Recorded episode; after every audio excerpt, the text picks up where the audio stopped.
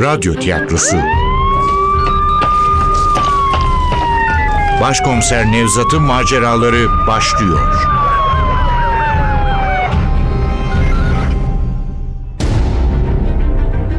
İstanbul Hatırası. Eser Ahmet Ümit. Radyoyu uyarlayan Safiye Kılıç. Seslendirenler Başkomiser Nevzat Nuri Gökaşan Ali Umut Tabak Zeynep Burcu Başaran Evgenya Funda Postacı Demir Ender Yiğit Yekta Hakan Akın Efektör Ufuk Tangen Ses Teknisini Hamdullah Süren Yönetmen Aziz Acar. İstanbul Hatırası'nın önceki bölümünde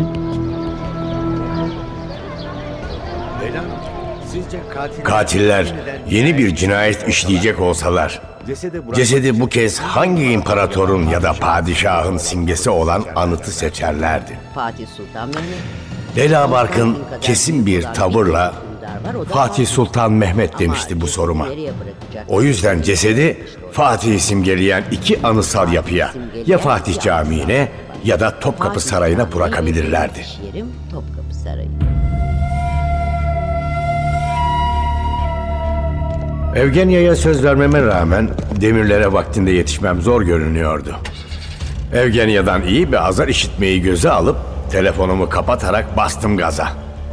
Akşam trafiğine rağmen şansım yaver gitti. Saat 8 gibi Ali ve Zeynep'le odamda toplanmış son bulguları gözden geçiriyorduk. Bizim köfte horun keyfi yerindeydi. Belediyede Mukadder'in mesai arkadaşı yakın dostu Niyazi Bey'i bulmuştu. Galiba sadece dostu değil aynı zamanda tarikat arkadaşıymış. Adam söylemese de anladığım kadarıyla bunlar daha ılımlı tarikattan.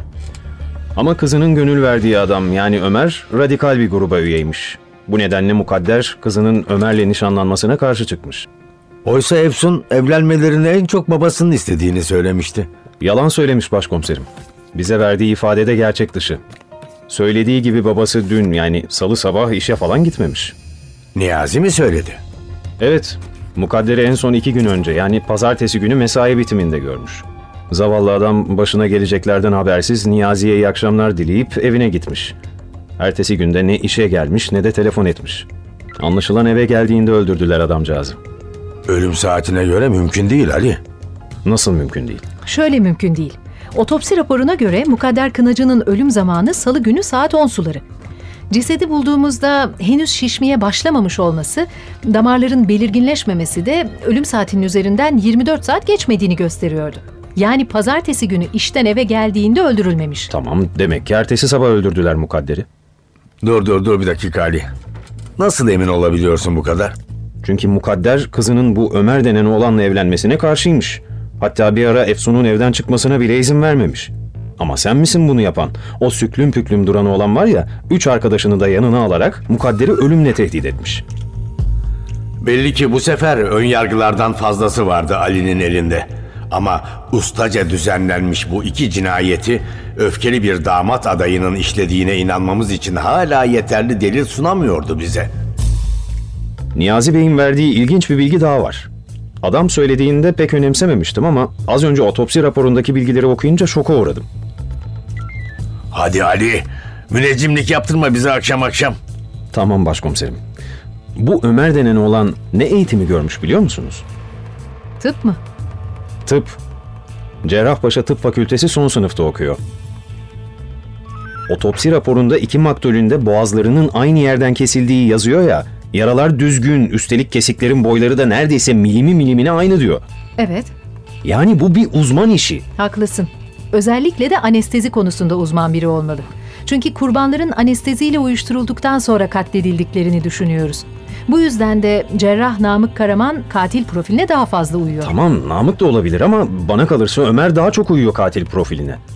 Cinayet işlemek için daha iyi nedenleri var. Hem bildiğim kadarıyla tıp öğrencileri anestezi dersi de alıyorlar. Kadavralar üstünde çalışıyorlar. İnsan bedeni nasıl kesilir, neşter nasıl kullanılır hepsini öğreniyorlar. Maktullerin boynundaki o yaralar neşterle açılamaz Ali'cim. Katil kurbanlarını adeta boğazlamış. Boyunda o kesikleri yapabilmek için daha güçlü bir alet kullanılması gerekir. Katilin bütün eliyle kavrayabileceği bir kesici. Hmm, Keskin bir bıçak gibi. Neyse işte nasıl bir kesici kullanırsa kullansın sonuçta bu işi yapan cerrahlıktan anlayan biri olmalı. Yani tıp eğitimi almış biri. Zeynep, şu Adem Yezdan'ı araştırabildin mi? Araştırdım. İlginç bir adam. Köklü bir aşiretin oğlu. Üçü kız, sekizi erkek, on bir kardeşin en büyüğü. Doğal olarak da aşiret reisi. Aşiretin tam dokuz köyü var. Son seçimlerde bir milletvekili bile çıkarmışlar. Adem Yezdan'ın ölen babasından önce aşiret bazı pis işlere bulaşmış. Yani pis iş dediğim hayvan kaçakçılığı filan. Kayıt yok ama uyuşturucu işi de yapmış olabilirler. Çünkü aile birden zenginleşmiş. Babaları ölünce aşiretin başına Adem Yezdan geçmiş. Adem üniversite okumuş. Belli ki akıllı bir adam. Hani kayıt dışı sermayenin yasallaştırılması için ilan edilen büyük af vardı ya. Adem Yezdan da işte o aftan yararlanarak paralarını yasal işlere yatırmaya başlamış. Daha çok da turizm işine. Dersaadet adında bir şirket kurmuş. Belki biliyorsunuzdur başkomiserim. İstanbul'un eski isimlerinden biridir Dersaadet. Osmanlıların kullandığı isimlerden biri. Peki sen dersadetin anlamını biliyor musun? Mutluluk kapısıymış. Doğru mu? Aferin, dersini iyi çalışmışsın. Neyse, biz soruşturmaya dönelim. Az önce anlattıklarında Adem Yazdan'ı suçlayacak hiçbir kanıt yok. Yine de bu adamı göz önünde tutalım. Hatta yarın gidip bir konuşalım. Ne yazık ki adam Moskova'daymış. Perşembe gecesi dönecekmiş. Bence şu Ömer'in peşini bırakmayalım. İnanmıyorsunuz ama o oğlan bir şeyler saklıyor. Olabilir. Bir şey saklıyor da olabilir. Bizzat katilin kendisi de olabilir. Ama Ömer kadar Namık da şüpheli. Sonra şu Adem Yezdan. Pekala o da katil olabilir. Mesele şu ki elimizde ne güçlü kanıtlar ne de ikna edici tanıklar var. Elbette ipin ucunu bırakmayacağız. Zanlıların hepsinden kuşku duyacağız. Hepsini araştıracağız. Tabii Ömer'le Efsun'u daha sıkı araştıracağız. Ali haklı. Niyazi'nin söylediklerinden sonra onların katil olma ihtimalleri epeyce artmış durumda. Şu radikal İslami örgüt meselesini de bir etüt edelim. Terörle mücadeleye soralım o zaman. Eminim Ömer'in dosyası vardır onlarda. Tamam soralım. Ya bilir kişi heyetindeki insanların listesi? Onların kim olduğunu öğrenebildik mi Ali?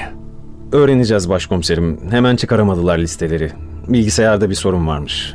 Niyazi Bey bir eleman görevlendirdi. Sadece bu işle uğraşıyor. Yarın öğleye kadar Necdet Denizer'le Mukadder Kınacı'nın katıldıkları bilirkişi heyetlerinde yer alan insanların bütün listesi elimizde olacak. Güzel ama şimdi acilen yapmamız gereken bir iş var. Topkapı Sarayı'nın civarına sivil ekipler yerleştirelim. E neden öyle bakıyorsunuz? Fatih'in yaptırdığı en büyük eserlerden biri de Topkapı Sarayı değil mi çocuklar? Eğer katiller yeni cinayetleriyle 2. Mehmet'e ya da onun payitahtına gönderme yapacaklarsa yeni kurbanlarını Fatih Camii kadar Topkapı Müzesi civarına bırakma ihtimalleri de var. Ya kurbanların parmaklarının gösterdiği yön? Her kurban bize bir anıtı işaret ediyor gibiydi. Öyle değil mi başkomiserim? Hatta bunu siz keşfettiniz. Mukadder Kınıcı'nın cesedi Topkapı Sarayı'nı değil, Fatih Camii'nin yönünü gösteriyordu. Aslında Mukadder Kınacı'nın elleri Fatih Camii'ni göstermiyordu Zeynep. Yeniden düşün. Çemberli taşı işaret ediyordu. Yani Beyazıt Aksaray yönünü. Emin değilim.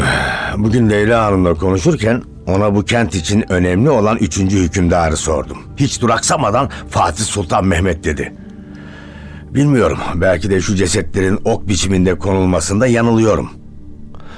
Belki de katiller sadece kurbanların ellerini bağlamak istediler.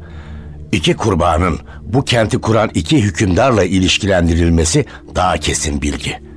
Dolayısıyla üçüncü cinayetleriyle Fatih Sultan Mehmet'e gönderme yapmak isteyebilirler. Tamam o zaman. Yeni ekipleri saray civarına yollayayım başkomiserim. Ben de başlarında dururum. Hayır Ali, hayır. Sen sen başlarında durmayacaksın. Ekipleri yolla. Hatta Fatih Camii'ne de Topkapı Sarayı'na da uğra ama sonra evine gideceksin. Evine gidip dinleneceksin. Zeynep, sen de öyle. Bu akşam ikiniz de erkenden gidip uyuyacaksınız. Bizi nelerin beklediğini bilmiyoruz. Hala karşımızdaki katillerin kim olduğunu anlamış değiliz. Bana dinlenmiş olarak lazımsınız. Bu emrim kesindir Ali. Yok öyle oldu böyle oldu. Ekipteki arkadaşlar çağırdılar. Gitmek zorunda kaldım. Lafını duymak istemiyorum. Eve gideceksin ve mışıl mışıl uyuyacaksın. Tamam mı? Anladın mı? Anlaşıldı başkomiserim. Ekipleri denetledikten sonra doğruca eve gideceğim. Güzel. Yarın zor bir gün olacak. Belki ondan sonraki günde. Gücümüzü hoyratça harcamanın anlamı yok.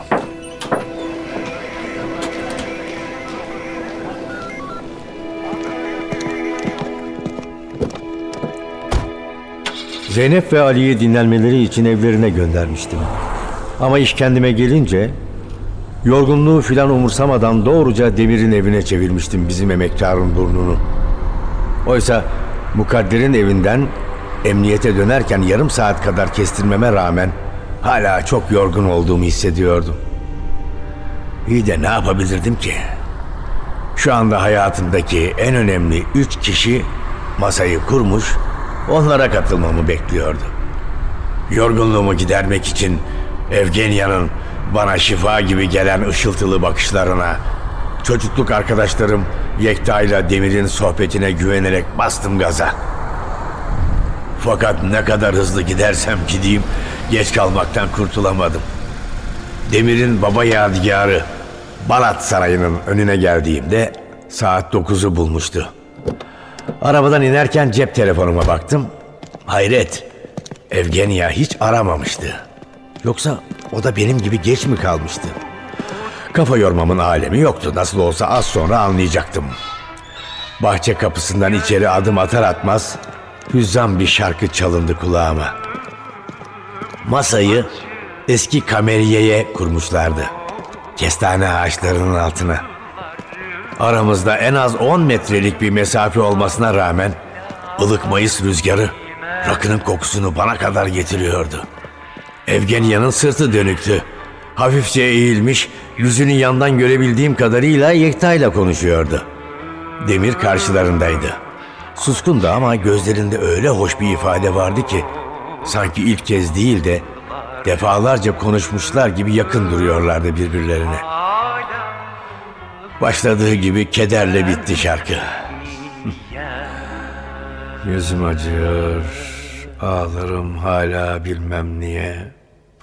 Şarkı bitti ama ben öylece kala kaldım olduğum yerde.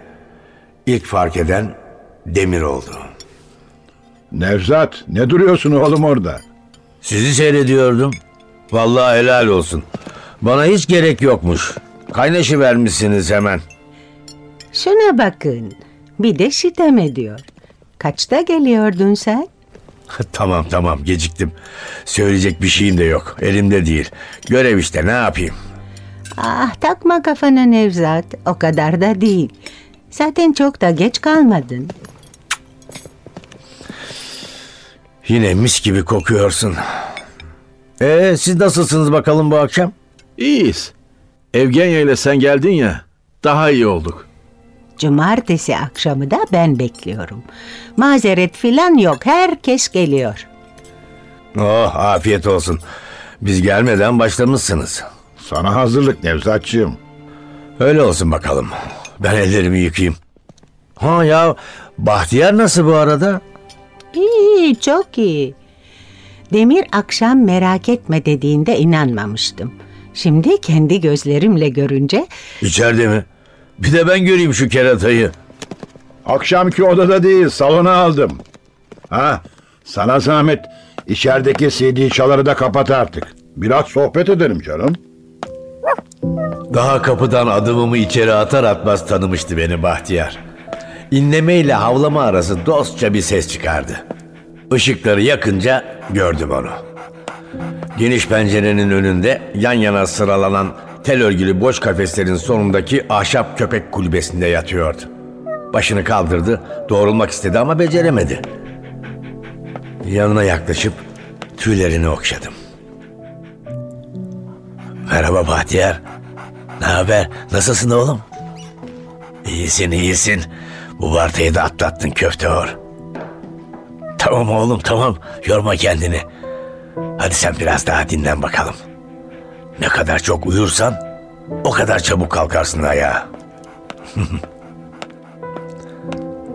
Sözlerimi anlamışçasına sakinleşti.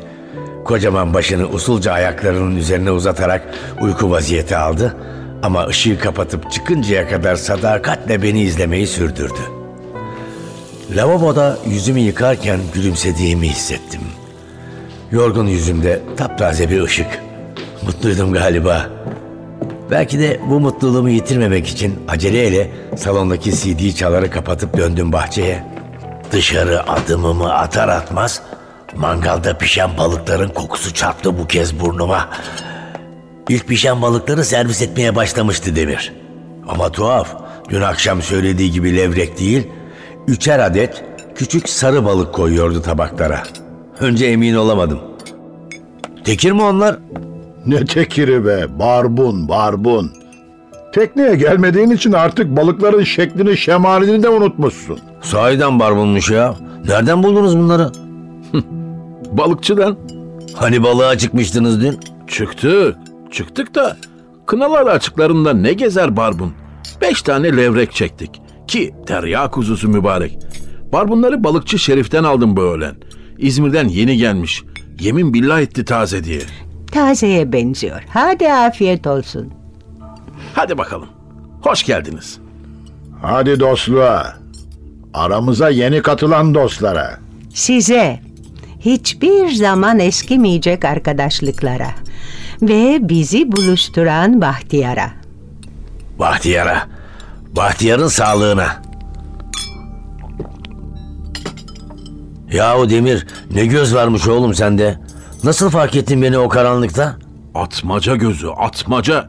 Bırak senin gibi kocaman bir adamı. Uyumakta olan kuşların karaltısına bakıp bu kumru, şu serçe, bu saka, bu güvercin diye hepsini tek tek sayıyor. Ha, Sahi Demir çocukken senin bir atmacan vardı değil mi? Ah, güzel bir kuştu. Bahçemize düşmüştü. Sağ kanadı kırıktı. Ah başka yırtıcıların işi mi? Evet, başka yırtıcıların işi. Yırtıcıların en korkuncunun, insanın işi. Havalı bir tüfekten çıkan saçmayla kırılmıştı kanadı. Ha, tuhaf bir ismi vardı. Hmm, Hazan mıydı? Hüzün. Hüzün mü? Yırtıcı bir kuşa hüzün ismini mi verdiniz? Ben değil annem. Annem koydu Hüzün ismini Atmaca'ya. Niye? Annem Atmaca'yı ilk gördüğünde bu hayvanın gözlerinde bir gariplik var. Çok üzünlü bakıyor. Kanadı değil, ruhu kanıyor. Gel, bunun ismini Hüzün koyalım diye tutturdu. Peki iyileşti mi hüzün? İyileşemedi. Bir ay yaşadıktan sonra öldü. Ben söylemiştim dedi annem. O kuş öleceğini biliyordu. O yüzden öyle kederle bakıyordu. Bana sorarsanız annem atmacanın gözlerinde kendi yazgısını görmüştü. Yaklaşmakta olan hastalığını. Altı ay geçmeden Alzheimer oldu. Atmacaya gelince özgür olmadığı bir dünyada yaşamak istemedi. Bu olaydan sonra veteriner olmaya karar verdi Demir. Hüzünü yaşatamadığı için. Haklısın. Başlarda hüzünü kurtaramadığım için veteriner olmak istemiştim. Ama sonra fark ettim ki hayvanları gerçekten de seviyorum. Hepsini, her türünü. En acımasızı bile insandan daha zararsız. insandan daha işten, daha masum ve daha az yıkıcı. Onlara yakın olmak her zaman mutlu etmiştir beni. Veterinerliği işte bu yüzden seçtim. Ama babası Bünyamin amca onun gibi düşünmüyordu. Oğlunun avukat olmasını istiyordu. Ölene kadar da Demir'in avukat olacağını zannetti adam. Babam rahmetli bir türlü anlamadı. Ya benim gibi konuşmayı sevmeyen bir adamdan avukat olur mu? Onun dileğini yerine getirsem sevmediğim bir okulda okuyacak, istemediğim bir mesleği yapmak zorunda kalacaktım. Sanki sen ailenin istediği mesleği seçtin de Nevzat. Sahi Nevzat, seninkiler ne dedi polis olmana? Önceleri sinirlendiler. Biraz solculuk vardı babamda. Solculuk dediysem Atatürkçü filan. Polisi hiç sevmezdi. Bari asker olsaydın da Kuleli ya da Heybeli'deki okullardan birine gitseydin. Nereden çıktı bu polislik şimdi? diye söylenirdi. Aslında ondan çıkmıştı. Babam edebiyat öğretmeniydi. Yekta gibi şiir de yazardı ama roman okumaya da bayılırdı. Onun kitaplığından okuduğum ilk roman Agatha Christie'nin Roger Ackroyd cinayetiydi. Kitabın son sayfalarına kadar katili bulamamıştım. Sonra dönüp bir daha okudum, bir daha okudum. Ardından polisiye roman merakı gelişti bende. Yerli yabancı ne kadar polisiye varsa yalayıp yuttum. İşte o merakın sonunda polisliğe yöneldik. Ama babama söylemedim bunu. Sevmediği bir mesleği onun sayesinde seçtiğimi bilmesini istemedim. Aramızda en şanslısı Yekta'ydı. Rauf amca hiç karışmadı ona. Mimarlık istedi, mimarlık okudu. Üstelik fakülteyi bitirdikten sonra bir gün bile mimarlık yapmadı. Çarpıtıyor Evgenya. Aslında mimarlığı severim. Hala kütüphanemdeki kitapların çoğu mimarlıkla ilgilidir. Özellikle de İstanbul mimarisiyle. Olay şu ki ben öğretim üyesi olarak üniversitede kalmak istiyordum. Ama fakültenin başına çöreklenen akademisyen takımı izin vermedi. Ne yapayım? Ben de kendimi şiire verdim. Ama babam hiçbir zaman onaylamadı şair olmamı. Bir tek şiirimi bile okumadı. Belki sen görmemişsindir. Ne biliyorsun belki senden gizli okumuştur. Yok Nevzat, biliyorum. Okumadı. Okusaydı anlardım. Okusaydı iyi kötü bir şeyler söylerdi. Hiç anlamadı neden şiir yazdığımı. Zaten edebiyatla, sanatla uzaktan yakından ilgisi yoktu. Haksızlık ediyorsun. Çok güzel şarkı söylerdi Rauf amca. Nevzat doğru söylüyor. Hele rahmetli bile kafayı çekti mi, Münir Nurettin gibi asılırdı gazele. Vallahi bütün Balat susar onu dinlerdi. Öyle. Şiir sevmezdi ama Yahya Kemal'in şiirlerinden bestelenmiş şarkıları güzel okurdu. Evet ya. Bir keresinde sizin evde şeyi söylemişti. Hani şu güzel şarkı vardı ya. Hmm, Nihavent makamında. Kandilli yüzerken uykularda. Hatırla sonrası nasıldı? Kandilli yüzerken uykularda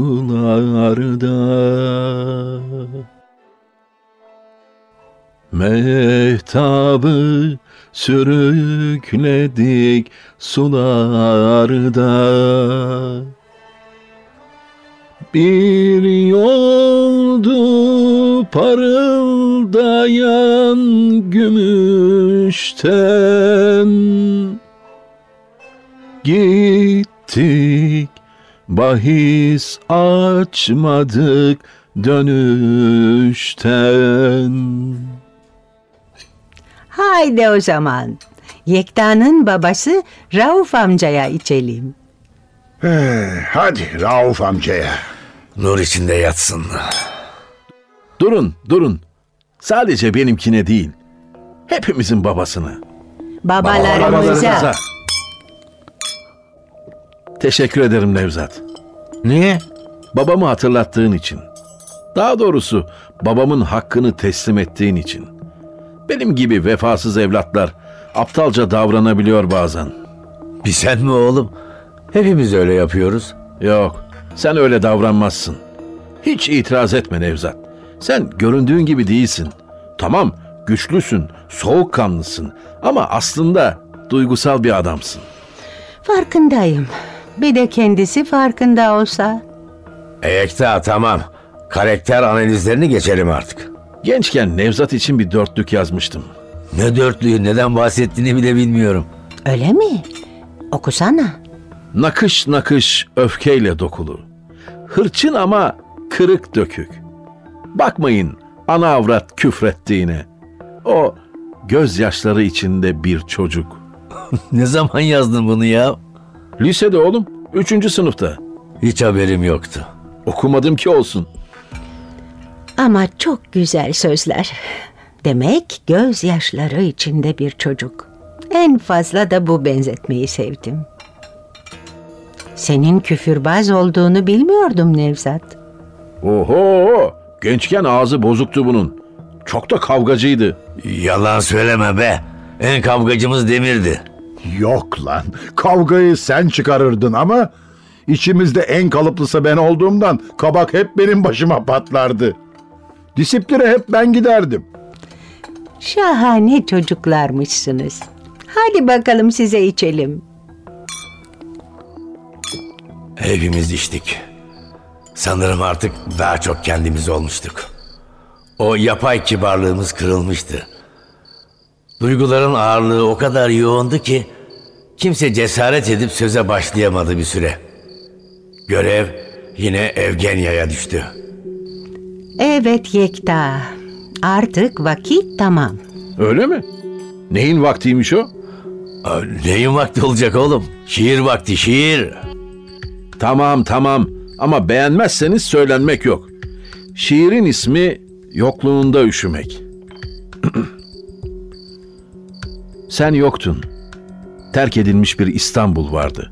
Yaslanmış gökyüzünün umarsızlığına. Eylül rüzgarlarıyla sararan bayram kartpostallarına benzeyen. Sen yoktun. Bir çocuk ağlardı istasyonlarda. Gece yarıları uykumu bölerdi hıçkırıkları. Trenler geçerdi göz bebeklerimden. Kirlenirdi bembeyaz umutlarım. Sen yoktun. Tüm dünyayı değiştirebilirdim. Oysa aynalarda eskiyor yüzüm. Ne yana baksam karşımda bir anı. Meğer İstanbul ne çok benziyormuş sana. Çok güzel. Çok güzel. Hangi şanslı kadına yazdın bu şiiri? Büyük bir coşku nasıl aniden söner? Neşeyle süren bir sohbet nasıl apansız kedere dönüşür? Masum bir soru bütün bir geceyi nasıl değiştirir? İşte onu yapıyorduk şimdi. Yanıt veremedi Yekta.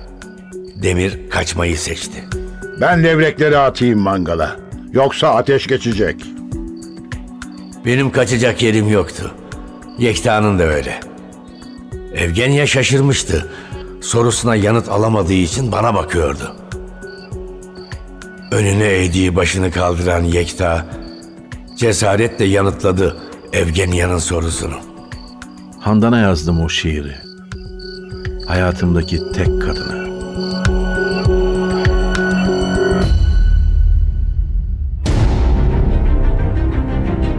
İstanbul Hatırası. Eser Ahmet Ümit. Radyoyu uyarlayan Safiye Kılıç. Seslendirenler Başkomiser Nevzat Nuri Gökaşan Ali Umut Tabak. Zeynep Burcu Başaran. Evgenya Funda Postacı. Demir Ender Yiğit. Yekta Hakan Akın. Efektör Ufuk Tanger Ses Teknisini Hamdullah Süren Yönetmen Aziz Acar